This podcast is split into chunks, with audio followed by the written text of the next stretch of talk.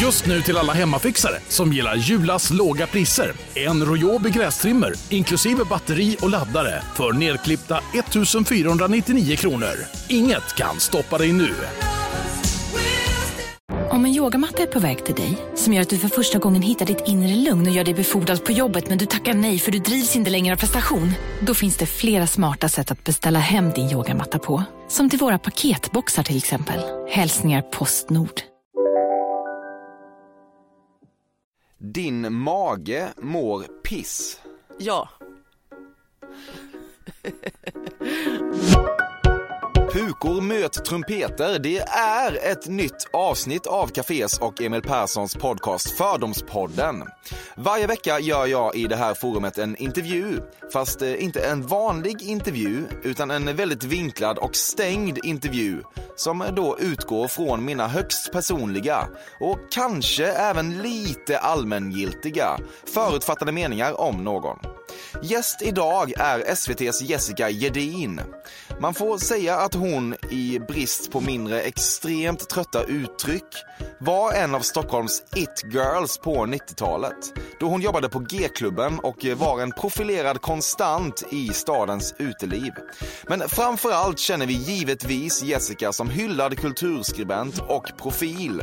Och eh, inom det gebitet har hon sommarpratat, tävlat i På spåret, gjort allt sånt där som människor inom det gebitet gör.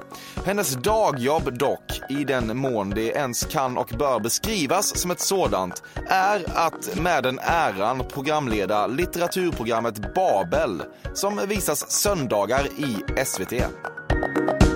Du har haft sex i en hage, en sekvens som inkluderade en gästgård, ett bondmorigt kjollyft och visst besudlande av sedermera slokande hundkex. inte fullbordat sex har jag inte haft, men den där beskrivningen eh, stämmer, eh, minus penetration. Ja, okej. Okay. Jag kommer ändå från Norrland. Ja. Vad var det för typ av sex då? Det var väldigt fumlig eh, tonårspetting. Ja, men urhärlig. En så här när nätterna aldrig blir mörka.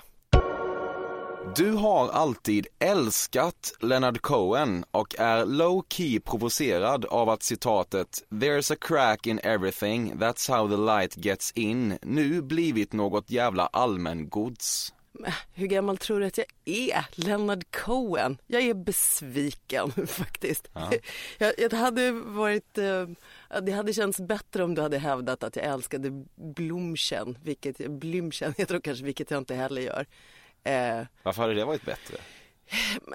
Gud, vad är, alltså Leonard Cohen, om jag ska fördomsprofilera Leonard Cohen-älskarna, då är ju det, det är ett jävligt mesigt släkte ändå. Det, är ju, det finns ju ingenting som är intressant med att älska Leonard Cohen. Det är väl helt självklart. Det är som att älska Astrid Lindgren. Men han är inte en duktig, skriver han inte fina texter? Jo, duktig Viktig är väl kanske ledordet här. Det går inte att vara upprörd över att folk vill eh, sätta upp Leonard Cohen citat i gips på sina väggar. Det är ju som gjort för det. Det gjorde ont när Lars Vilks konstverk Nimis brann. nej. uh, nej. Om du bara får ta med dig en sak till en öde ö, är det ditt eget engelska uttal? uh, nej, um, jag är rätt nöjd med mitt engelska uttal. Men jag har slipat på det också supermycket under mina formativa år um, där framför allt vid 15-årsåldern när jag och mina killkompisar tävlade om vem som kunde hur man ska säga Bowie och sånt. Vi var väldigt nördiga på det. Eh, så det gillar jag absolut. Man ska ta med mig något är i mitt parisiska franska uttal. Eh, du har ju en väldigt fin engelska, eh, men man ser också att du vet om att du har en väldigt fin engelska. Um, gör man? Ja, det vet jag inte. Alltså jag är något av en kameleont. Jag gillar ju också att imitera, jag gillar att tala olika dialekter, jag gillar att göra röster och sånt där. Jag gillar att härma folk. Men ibland är det ett problem när man intervjuar folk. För jag känner att när jag intervjuar amerikaner då speglar deras uttal. Det absolut jobbigaste är när man intervjuar irländare eller sådana som har liksom ett väldigt specifikt där det blir jättetydligt att man helt enkelt härmas. Mm. Och då kan det bli lite så här, vad säger du då? Att det ser ut som om man sitter och hånar folk. Uh, så att jag är nog snarare alltså, galet fjäskig och anpassningsbar. Du fick inside om att Bob Dylan skulle tilldelas Nobelpriset innan det utannonserades. Nej, men vad jag älskar att Fördomspodden sponsras återigen av Air Up och Air Up är en innovativ flaska som smaksätter helt vanligt kranvatten med doft nyskapande som fan om man får säga det själv. Och AirUp har utvecklats för att man ska slippa välja mellan smak och hälsa. För med det här systemet så gör man sig själv en tjänst varje gång man vill dricka något gott. Och att smaksätta vatten med doft kan ju låta lite som, jag vet inte, magi. Svartkonst nästan. Men AirUps hemligheter är högst vetenskapliga för det kallas retronasal doft. Eller med ett enklare ord att uppleva smak med näsan.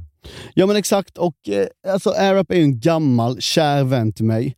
Jag eh, har ju haft min AirUp-flaska här på jobbet i ja, men ett halvår nu och det är ju faktiskt så att det har revolutionerat hur mycket jag dricker vatten. Jag, det är inte bara jag, utan alla med mig här på kontoret har en AirUp-flaska och alla med mig har ja, börjat dricka mycket mer vatten. Och Anledningen till det är ju precis som du säger, de här poddarna, alltså små liksom, plasthöljen som man sätter på din AirUp-flaska för att få smak. Mm. Man kan få en ny favorit som har dykt upp för mig, heter söt kokosnöt. Den vill jag verkligen tipsa om. De fyller mitt vattendrickande, de borde fylla allas vattendrickande. En sak som jag tipsade lite om förra gången, mm. som jag cannot stress enough, är ju att fylla upp din AirUp eh, med bubbelvatten. Det mm. blir en eh, helt otrolig upplevelse som jag unnar alla. Det kan också bli en billig upplevelse för det finns en rabattkod som är fördom helt enkelt. Stora bokstäver där, F-Ö-R-D-O-M, som ger 10% rabatt på ett köp hos AirUp och rabattkoden är giltig till och med den 28 maj och går inte att kombinera med andra erbjudanden. Läs mer på air-up.se. Tusen tack AirUp som möjliggör Fördomspodden. Fördomspodden sponsras denna vecka av Sting Free, världens enda vita snus med skydd för tandköttet. Detta inslag riktar sig bara till dig som är över 25 år och redan använder nikotinprodukter. Nikotin är ett mycket beroendeframkallande ämne. Felix, en fördom jag har om dig och snusar i Småland generellt är att man absolut inte får visa sig svag och erkänna att tandköttet tagit stryk av att snusa.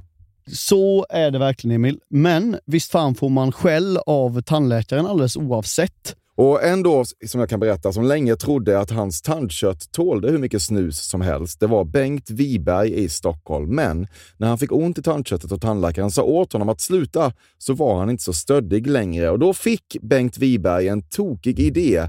Han tänkte, vad händer om jag sätter plåster på tandköttsidan av prillan?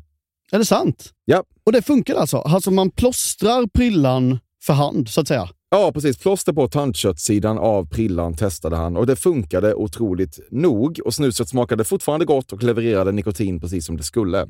Men det är ju liksom... Det måste väl ändå vara revolutionerande det här. För en riktig skitgrej med snus är ju att tandköttet tar stryk. Eh, och Det här låter ju ändå som en, någon slags produkt som är, blir lika självklar som typ ja, men bilbältet eller en cykelhjälm eller vad som helst. Ja, precis. Ja, men vi, vi är många som har haft problem med det här genom åren sannoliken. Och nu är den här idén patenterad och istället för plåster så är det blå skyddet inbyggt i prillorna. Och Sting Freeze produkter finns att köpa i butik och på nätet. Så läs mer om världens enda vita snus med skydd för tandköttet på stingfree.se. Tack Stingfree! Och tack Bengt Wiberg! Verkligen.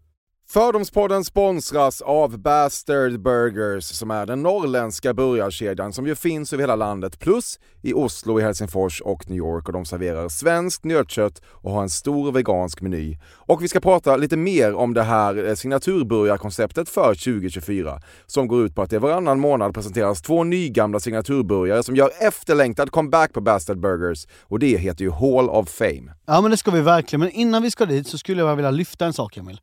Nu kommer sommaren, nu kommer after work-tiden. Man känner hur det spritter i benen. Ta den after work på Bastard Burgers, för vet du, förutom liksom den härliga ambiansen så har de ju spicy nuggets på menyn. Vi pratade om detta förra veckan. De har ju haft chicken nuggets på menyn ett tag, men nu finns det alltså spicy nuggets. De har tagit det till en nivå till. Det skulle jag verkligen vilja tipsa om nu när sommaren kommer. Att öl eller någon annan slags beverage och spicy nuggets, där har du en AV i min smak. Mm. Och också det, just det här att Spicy Nuggets nu kommer finnas permanent på Just menyn. det, Jag tycker det finns verkligen. en otrygghet i, i, i vissa eh, matkedjor när, när vissa grejer bara återkommer då och då och man vet aldrig om ens favoriter finns där. Men Spicy Nuggets som är godare än vanliga nuggets som man är lagd åt ett spicy Mm, hållet, vilket jag är, kommer nu alltid finnas där. Det finns en trygghet i det. Jag vill också slå ett slag för att det nu i maj släpps även en ny signaturburgare och det är alltså ingen mindre än The Notorious Chili Cheese. En burgare med chili cheese på. Man minns när chili cheesen kom in i ens liv och förändrade livet till det bättre. Det är ostigt, det är starkt, det är otroligt. Det innehåller alltså massa ost och lite jalapeno och allt detta kan du såklart få om du laddar ner appen för Bastard Burgers och beställer eller för guds skull går till en fysisk restaurang. Tusen tack Bastard Burgers som möjliggör Fördomspodden. Tack Bastard! Du tror det om mig? Det här tycker... Fan också, jag borde ha svarat ja på den frågan bara och sen inte några fler kommentarer. Eh, men nej. Det måste ändå finnas en krets som vet eh, de här grejerna. Allting liksom läcker ju alltid även om det är i minimal skala. Mm. Men akademin läckte jättemycket förr om åren. Eh, de har täppt till de läckorna. Jag undrar om det här var i samband med att Peter Englund tillträdde. Jag, jag, jag kommer inte riktigt ihåg. Men eh, det är numera hermetiskt tillslutet. Innan gick det verkligen att få skvaller. Nu är det omöjligt. Du gör en elak hummus. Ehm, jag är ganska dålig på att laga mat. Eller det ska jag inte säga, men jag har en kille som he cramps my style faktiskt. Han är väldigt bra på att laga mat. Det har inneburit att mitt självförtroende i köket har sjunkit. Och igår, nu är jag i och för sig lite stressad och av den anledningen rätt dum i huvudet. Men igår glömde jag bort hur man kokade ris och serverade alltså något slags vidrig gröt bara. Det var hemskt. Och så såg jag hur min man och mitt barn Ja men de åt av sympati. Ja. det, det var helt fruktansvärt. Men jag hade nog kunnat göra en grym hummus om jag hade varit ihop med någon annan. Du luktar patchouli. Nej fy fan vad taskigt. Nej, nej. Vänta nu vill jag veta vad du grundar den fördomen på. Vad, hur tänkte du här? Någon luddig känsla bara, som det mesta. Gud, nej men vet du, det, det där var, nu, du bara knuffade in mig i proggfacket, det var vad du gjorde. Så gammal är jag inte. Eh, antingen är jag väldigt gammal eller väldigt ung eller bara väldigt, har väldigt dålig koll om man luktar patchouli. Nej, nu känner jag mig faktiskt lite kränkt. Jag luktar av Burberry Brit. Jag är otroligt noga med mina parfymer och jag har alltid parfym på mig. Du sätter hellre kallt stål mot tinningen än intervjuar en till skandinavisk man som skriver krim om en alkoholiserad polis. Inte alls. Jag älskar skandinaviska män som skriver eh, krim om alkoholiserade poliser. Jag har faktiskt ingenting emot det alls. Jag tror också så här, ja, men, vet du vad jag hatar? Jag hatar dålig litteratur. Men jag hatar inte genrelitteratur. Jag tycker att det är supersvårt när det är illa skrivet. Eh, också för att jag faktiskt har svurit, bara för mig själv också lite grann, att jag ska aldrig ljuga i Babel. Eh, det betyder ju, eh, och Babel är ett snällt program, men eh, det betyder ju att eh, om jag inte gillar en bok då måste jag liksom kringelikroka mig runt det. Det finns ju fortfarande möjlighet att andra gör det nämligen. Det är inte jag som bestämmer det. Men eh, så att absolut inte. Välskriven krim i eh, gammal stadig genre går jättebra. Det var ett tag sedan du, eller möjligen någon, hamnade där nu. Men genom åren har du i väldigt många konversationer bedyrat hur fruktansvärt intelligent Marilyn Manson framstår i Michael Moores dokumentär Bowling for Columbine. I princip har du rätt. I, i sak eh, har du det inte. Men känslan du har om mig, är definitivt. För jag, jag förutsätter att det här handlar om något slags eh, populärkulturell identitet där man också baserar väldigt mycket av sin populärkulturella trovärdighet, det vill säga att man gillar lågkultur, på att man har gjort en väldigt grundlig analys. Är det det, är det där, är det, det din fördom bottnar i? Ja, ungefär så. Ja, i så fall stämmer den. Har du sett dokumentären? Ja, Mm. det har jag, men det var länge sedan. Mm. Gillar du Marilyn Manson i den? Eh, vet du, jag bryr mig inte så mycket om Marilyn Manson. Jag tycker att han är lite... Eh, han är lite... För mig är Marilyn Manson lite för mycket en nörd som eh, har ägnat sig åt peacocking. Jag, jag tycker att han, jag kan känna lite ömhet för Marilyn Manson. Och av den anledningen av, känner jag också att han är lite löjlig eh, och inte så farlig som han vill framstå. Och det blir alltid lite patetik i det där när någon vill framstå som väldigt revolutionär eh, och på gränsen om man själv tycker åh, lilla gubben. Som barn läste du sagoförfattaren Roald Dahl och det är givetvis en tradition du fört vidare i rakt nedstigande led. Jag läste Roald Dahl, det var inte en av mina favoriter eh, men jag gillar ju Roald Dahl, jag var inte besatt av Roald Dahl. Eh, jag har faktiskt passat mig för att eh, rekommendera böcker till min dotter. Jag är nämligen inte, ur hennes perspektiv är ju eh, min läsning ett jobb. Ehm, så jag har låtit henne ha andra guider. Ett tag fanns det en bokhandel på samma gata som jag bor, en barnbokhandel. Och då fick hon till exempel gå dit själv. Hon lärde känna Eh, kvinnorna som hade den bokhandeln och de gav henne jättebra rekommendationer. Jag har hållit mig ifrån det. Min erfarenhet är också att det bästa sättet att få eh, sina barn läsa är att tala om för dem att de absolut inte på några som helst villkor får läsa vad det nu kan vara. Det där är för farligt, det där är för dåligt, det där kommer inte du klara. Men jag, jag bidar min tid. Ehm, sen har ju min mamma har ju översatt Harry Potter. Och min mamma och min dotter har en väldigt bra relation. Så att mamma eh, funkar bättre som, som min dotters bibliotekarie än vad jag gör.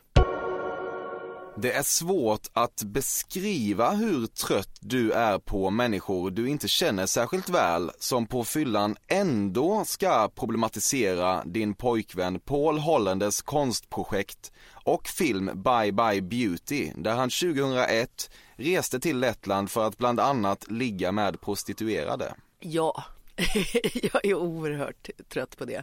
Det är inte så farligt numera. Det var mer, eh, ja, naturligtvis när, när eh, vi blev ihop, alltså för länge sedan, när den var färskare i folks minne. Men eh, jag har däremot aldrig, eh, det Paul har gjort eh, får han förklara. Jag står aldrig och förklarar för folk Pauls motiv. Eh, däremot kan det vara väldigt eh, tråkigt att höra eh, att folk vill tala om det för mig vad de tycker. För att eh, jag bryr mig faktiskt inte. Du anser att eh, Penelope Cruz karaktär i Vicky Cristina Barcelona, den här eldiga sydamerikanska konstnären som bråkar med Javier Bardem och kastar lite färg på en canvas, är ganska fånig. Ja, jag tyckte hela den filmen var väldigt fånig faktiskt. En eh, klent avlönad, inte överhuggare, läser och briefar dig om de böcker du sedan ställer frågor om till författare i Babel. Nej, trodde du verkligen det eller ställde du den frågan för eh, att känna mig på pulsen? Jag tänker att eh, det finns Att det kan finnas en allmän- Som, ja, mm. lite så. Nej, eh, verkligen inte. Jag läser allt. Jag researchar också allt. Men det här handlar ju om att jag är inte avkopplad annars. Om jag ska sitta mitt emot en person och intervjua den personen då vill jag veta allt så att jag kan släppa sargen och prata om annat. Eh, dessutom tycker jag att det skulle vara fruktansvärt oartigt. Eh, men det, här beror ju på, kanske också, jag vet inte detta, men jag är ju inte tv-programledare. Jag har ju eh, blivit det för Babel. innan dess har jag ju jobbat som ja, men, delvis journalist bara men jag har ju framförallt haft bokförlag, jag har jobbat som översättare och som redaktör och förläggare och sådär. Så att, eh, eh, att inte, och, och recensent, så att inte läsa böckerna det tycker jag i mitt huvud är helt sjukt. Det man tänker framför allt är väl att det måste vara svårt att hinna. Ja men det är det ju. Jag, jag eh, är väldigt, väldigt eh, trött i slutet av säsongen. Eh, fysiskt trött men jag är också väldigt trött på att läsa i slutet av säsongen och det här handlar ju naturligtvis om att jag inte väljer själv vad jag vill läsa bara. Eh, så då, då, då, finns det en period på kanske två, tre veckor då jag bara vill titta på tv. Dessutom vill jag se ikapp alla tv-serier som jag har missat under den här perioden. Eh, jag ska också passa på att krossa en annan fördom i sådana fall. Jag läser inte snabbt. Däremot läser jag hela tiden. Jag tycker att det är svårt att läsa fort också. Det kanske, är, kanske gäller för informativa texter att man vill ta in dem snabbt. Men skönlitterära texter måste man ju läsa i den takt de är skrivna. Du har rest i Indien och eh, hittat åtminstone delar av dig själv där. Än idag har du på ett möjligen lite kulturellt approprierande sätt ganska nära till bindiprick i pannan. Men gud, all den här proggen, jag fattar inte var den kommer ifrån. Jag har varit i Indien eh, en gång eh, och det var då min dåvarande pojkvän som tyckte att vi skulle åka till Indien. Jag var emot detta Eh, just för att jag är så långt ifrån backpacker eh, och andlighet som man kan komma. Jag tycker, jag har dessutom lite svårt med hela den här kolonialistgrejen att man ska åka och låtsas vara fattig och barfota i ett eh, land där folk har det så fruktansvärt fattigt. Jag tycker det är ohyggligt okunnigt och föraktfullt. Um, så att ja, jag har varit i Indien. Jag propsade då på att bo på ett ordentligt hotell medan mina kompisar bodde uh, på något slags vandrarhem. De blev också väldigt, väldigt sjuka. Men jag, uh, och sen slutade vi hela den här uh, resan med i Bombay eller Mumbai att gå på deras motsvarighet till MTV-galan. Jag hade en kompis eh, som hade ett band som hette Bombay Vikings. och de var liksom en svensk indisk rapgrupp och de uppträdde på den här galan.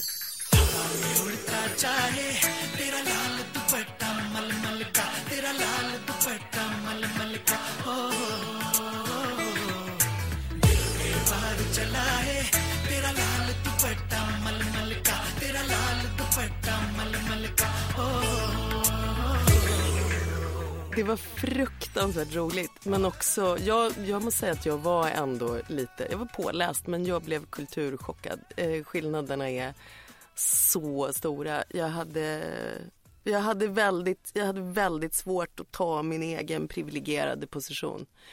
Eh, jag hade problem med det. Du har ett hemligt användarkonto på Tradera där du kränger alla dessa drivor av inbundna böcker som du får budade till dig. uh, gud, det borde jag faktiskt ha. Uh, nej, jag ger bort dem till mina grannar. Du röker en cigg om dagen. Eh, jag har varit eh, storrökare under många, många år sedan lång tid tillbaka. Men jag hade en eh, granne som jag var väldigt förtjust i som fick lungcancer för två år sedan. Och då slutade jag för gott. Så att inga mer okynnescigaretter. Och det var inte av skräck, för den har jag naturligtvis känt, dödsskräcken. Utan det var av respekt, det kändes otroligt respektlöst och fortsätta röka när hon blev så sjuk. Det händer att du målar naken hemma. Nej! Verkligen inte. Den här alltså, föreställningen om att jag är ett naturbarn. Nej, det, det händer inte. Du blev i din ungdom ihop med en kille nästan enbart för att han hade Luke Reinhardts Tärningsspelaren som favoritroman. Men sedan sprang, för att inte säga sprintade, du om honom intellektuellt och gjorde så småningom slut på grund av att han fyra år senare fortfarande hade Luke Reinhardts Tärningsspelaren som favoritroman. Um, jag har aldrig eh, velat vara ihop med killar som sysslar med samma sak som jag. Det tycker jag känns... Det, det kan jag ju. Varför ska jag vara ihop med någon som kan det sämre än jag? Det är jag ointresserad av. Jag vill ju vara ihop med någon jag beundrar för att de kan andra saker än vad jag kan. Luke Reinhardts, eh, alltså absolut inte. Det, det, finns ytterligare en sån här bok till som jag tycker bara, jag utfärdar nu allmän varning. Ligg aldrig med killar som har parfymen som eh, Patrik Suskinds parfymen som sin favoritbok. Eh, låt bli det bara. Ja. Mm. Luke Reinhardt, Patrik Suskind, ger dem ingenting. Kul. Könsbehåring är av godo. Helvete, kroppsbehåring generellt är av godo. Um, alltså jag, jag är ju en mörk eh, judisk kvinna. Jag har eh, av självklara skäl varit mot kroppsbehåring under hela mitt liv. Eh, jag tar bort så mycket jag bara kan. Mm. Jag tycker att andras kroppsbehåring är okej, men jag tycker också att det väldigt ofta är, det här gäller alltså kvinnor som säger att det här med att vara naturlig är en bra grej. De är oftast naturligt vackra, blonda med vek kroppsbehåring. De vet ingenting om eh, hur det är att vara en helt vanlig kvinna. Eh, jag tycker att eh, folk överhuvudtaget ska sluta tala om för varann eh, hur de ska leva sina liv. Med raka musen eller låt håret växa, det spelar väl ingen roll. Du har personligen haft fruktlösa övertalningsluncher med Fredrik Backman för att få honom att ställa upp i Babel. Nej.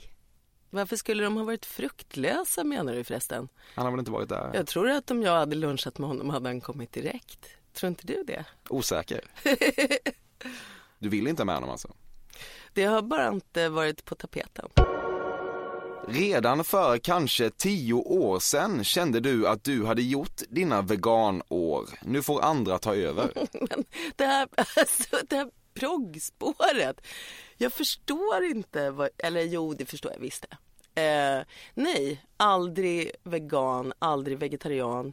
Eh, önskar att jag hade varit mer världsförbättrare men eh, jag är eh, självupptagen, slapp köttätare, skörlevnadsförespråkare. Um, ja. Hej, Synoptik här.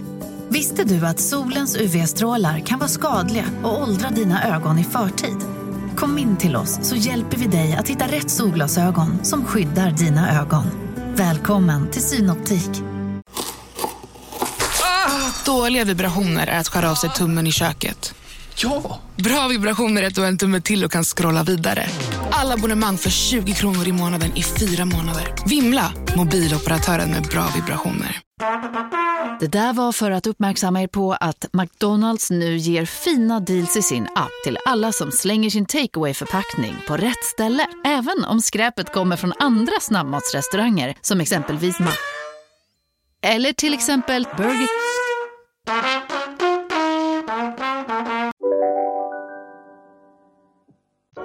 Du har modererat panelsamtal med Malcolm Gladwell. Nej, men vad trevligt det hade varit. Ja. Du har haft idel härliga gruppsexupplevelser. Nej, men gud vad jag önskar att jag hade haft det.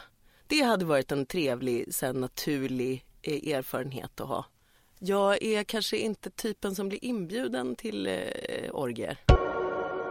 Varför träna när man kan läsa? Jag tycker i och för sig inte att det är någon motsättning men min fråga är nog mer varför träna? Frågetecken.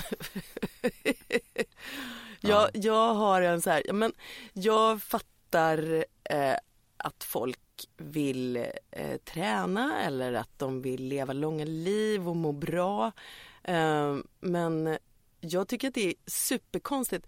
Hela den här liksom muskel eh, som finns när folk inte använder sina muskler till någonting sen. De bara skaffar sig de där musklerna men de gör ingenting av Använder det. dem på Rish. De använder dem på Rish. Ja, i och för sig. Allt som, som eh, gör att man får sex kanske är bra. Det, det, kan ju, det kan ju också vara bra. Men det finns ju, de här musklerna är ju liksom inte till för att bygga hus eller eh, bära tunga saker eller jag vet inte. Jag tycker dessutom ICA-kassarna är ganska tunga. Jag klarar dem. Jag är oerhört envis. Jag har konkat runt på mitt barn när hon var liten utan några större problem. Jag tror att om, jag, eh, om kroppen eh, bryter ihop då skulle jag kunna tänka mig att träna för att kunna leva ett normalt liv. Jag tycker inte, jag känner, jag får ingen så här rush av, av träning. Dessutom gillar jag inte att vara så här i, i grupp iförd lyckra och jag hatar när folk skriker åt mig. Så att vara på eh, liksom pass, det ska jag aldrig klara av. Jag tror att jag ska bli skitförbannad. Du har varit i Minnesota och spanat in gamla svensklämningar. Nej. Du har genom ditt liv haft problem med ätstörningar och du vet att ingen riktigt köper den där förklaringen om hög ämnesomsättning. Men det är en outtalad och på sätt och vis fin pakt mellan frågeställare och den tilltalade som alla inblandade helt enkelt kan leva med. Nej, jag har inte haft ätstörningar. Eh, däremot har jag haft eh, väldigt mycket mm, tvångsbeteenden periodvis i mitt liv. Vilka då? Ja, men ett av dem till exempel var um, hur jag borstade tänderna. Jag hade en... Um, jag räknade på olika sätt för olika sektioner i munnen och så. Det slutade med att eh, min tandläkare faktiskt frågade mig om jag eh, var bulimiker för det visade sig att jag hade då borstat tänderna så intensivt att jag hade börjat borsta bort emaljen som annars är så här det är helt enkelt eh, eh om man kräks ofta så fräter man också bort emaljen. Så då fick jag sluta med det. Eh, jag har också periodvis eh, väldigt svårt att åka tunnelbana, befinna mig i trånga utrymmen, hiss och sånt. Andra perioder eh, går det bättre. Det är lite grann beroende på hur jag mår om det där får blomma ut eller inte.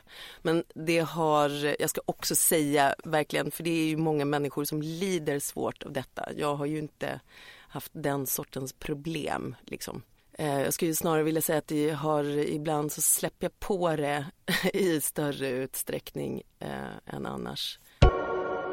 Du har gått i parterapi med eh, din pojkvän Paul Hollander. Ni har en eh, inte ostormig relation och det är inte heller poängen med tvåsamhet. Nej men det är inte poängen med tvåsamhet tror jag.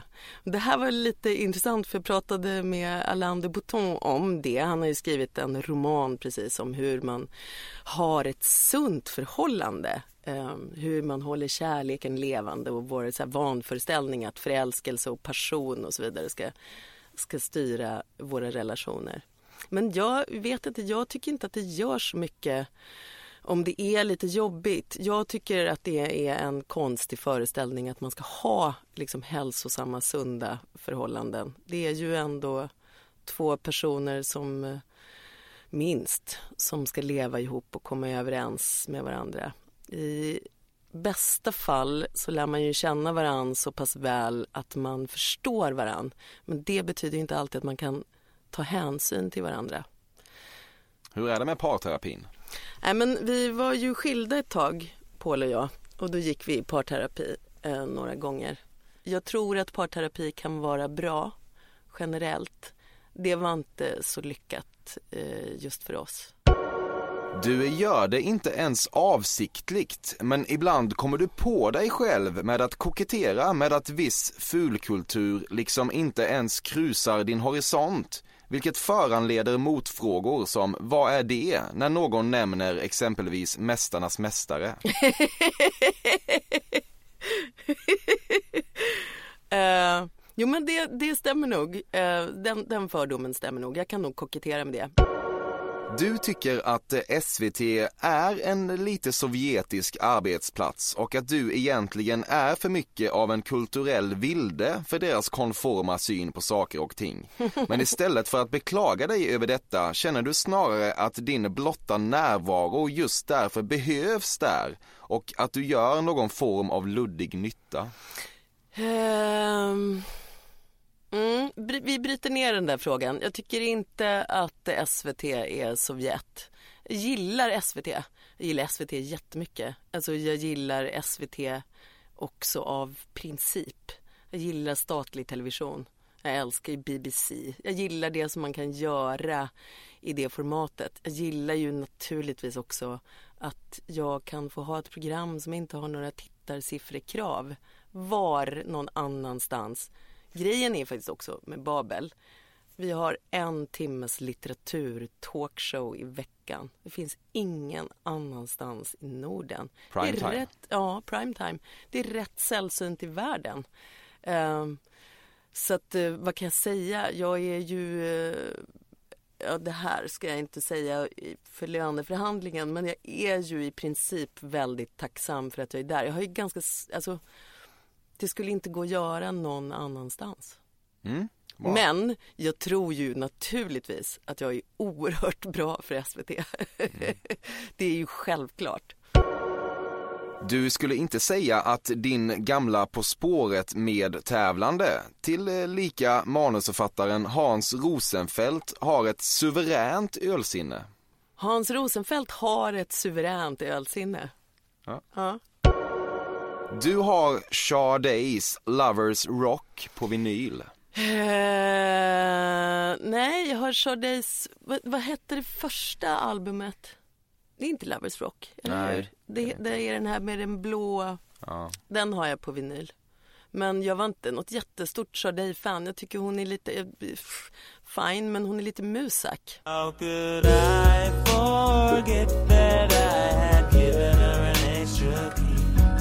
this time she was standing there She never took her eyes off me Du använder semikolon i sms. Jag gillar ju semikolonet, inte i sms dock. Eh, däremot eh, är jag förtjust i tankstrecket. Jätte, jätte, jätteförtjust i tankstrecket. Blir du provocerad när folk använder bindestreck som tankstreck? Ja. Det är hemskt. Ja.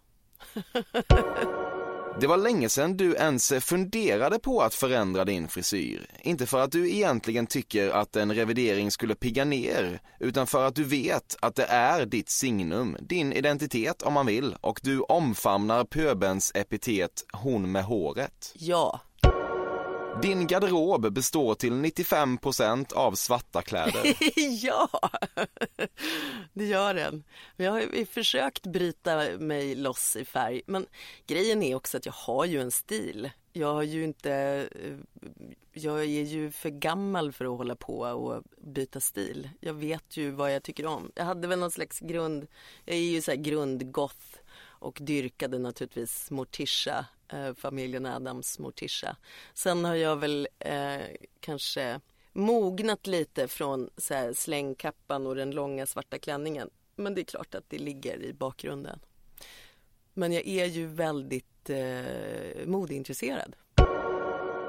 Du tycker att det egentligen är lite fantasilöst när någon ber dig gestalta prinsessan Leia i sexuella rollspel, men du ställer upp. Alltså det är alldeles för få killar som har bett mig vara prinsessan Leia. Jag bara säger här och nu. Får jag frågan så är svaret naturligtvis ja. Platåskor går aldrig ut ur stil. Jag gillar ju att vara lång. Jag tycker det är otroligt härligt. Och kan jag komma upp så mellan 10 och 16 centimeter till över marken är jag hur glad som helst. Grejen är att det är rätt svårt att gå i höga klackar. Jag tycker det i alla fall. Eh, det finns ju de som kan det eh, obekymrat vandra fram på höga stilettklackar. Jag är inte en av dem. Därför eh, kilklacken skulle jag vilja säga. Platåskon. Eh, jag är ju lite grann som, som Prince här. Jag känner mig helt enkelt kort. Allt som kan hjälpa mig upp är bra. Så att ja, platåskon, toppen. Pentagramsymbolen är den vackraste du vet. Oh, vad pubertalt. Eh, nej. Du har stammispris på restaurang Tranan. Jag hade det. Undrar om jag har det fortfarande. Det var så länge sedan jag var där nu. Men de har ju faktiskt samma bartenders där eh, sen, alltså hur lång tid De tillbaka åldras som med helst. it-girlsen. Alltså det är så underbart. Det är som att komma hem. Eh, sist jag var där hade jag stammispris. Eh, nu har jag en annan stamkrog. Vilken är det? Den heter Panam. Mm. Fransk bar. Underbar. Du är lite trött på att liknas vid ett pentroll. Eh, vet du att jag tror inte jag gör det längre. Jag är för gammal och lite för respektingivande. Det har hänt tidigare och då var jag jävligt less på det. Ja, det var faktiskt hela fördomsbatteriet Jessica. Känner du dig kränkt eller terapiad? Eller både och? Men jag tror att jag kommer liksom, jag har en stark känsla av att det kommer vara lite grann som i, i Madonnas Justify My Love-video, att jag kommer liksom tumla ut ur det här rummet, stryka längs med väggarna och känna mig lite överväldigad och så. så det, det, sen kommer en, jag, jag kommer bli tvungen att höra av mig till dig och tala om hur jag känner om några timmar. Just nu känns det bara otroligt härligt att Ja. det är över. Okej. Vilken, eh, vilken fördom tror du kommer liksom sitta kvar i dig längst? Vilken är svårast att skaka av sig? Ja, men jag tror att det här med att måla naken, och, eh, det, det kändes svårt. Alltså. Mm. Eh, in, hela Indienprylen och att det skulle utstråla något slags andlighet. Jag ser mig själv som ganska stram och lite sträng. Mm. Men eh, herregud, eh, självinsikten är ju, det är ju den absolut sämsta. Eh, det är ju det man vet absolut minst om sig själv. Jag är jätteglad att du kom, tack snälla. Tack själv. Inte mycket att tillägga mer än det vanliga, vilket alltså är att man kan mejla mig tips på gäster och annat tjafs på emil.persson.café.se. Tack till den jäckande poddvinjettmusikkompositören Carl Björkegren. Nu viker vi in pukor och trumpeter igen, men eh, nästa vecka är de tillbaka i full jävla force, för då är jag lite extra glad att kunna presentera den andra partiledaren i Fördomspoddens historia. För då kommer nämligen Liberalernas Jan Björklund hit. Det blir fan allt! Håll koll på det här inte inrymmet så hörs vi. How could I forget that I had given her an extra key? All this time she was standing there, she never took her eyes off me. You think I'd leave your side, baby? You know me better than that.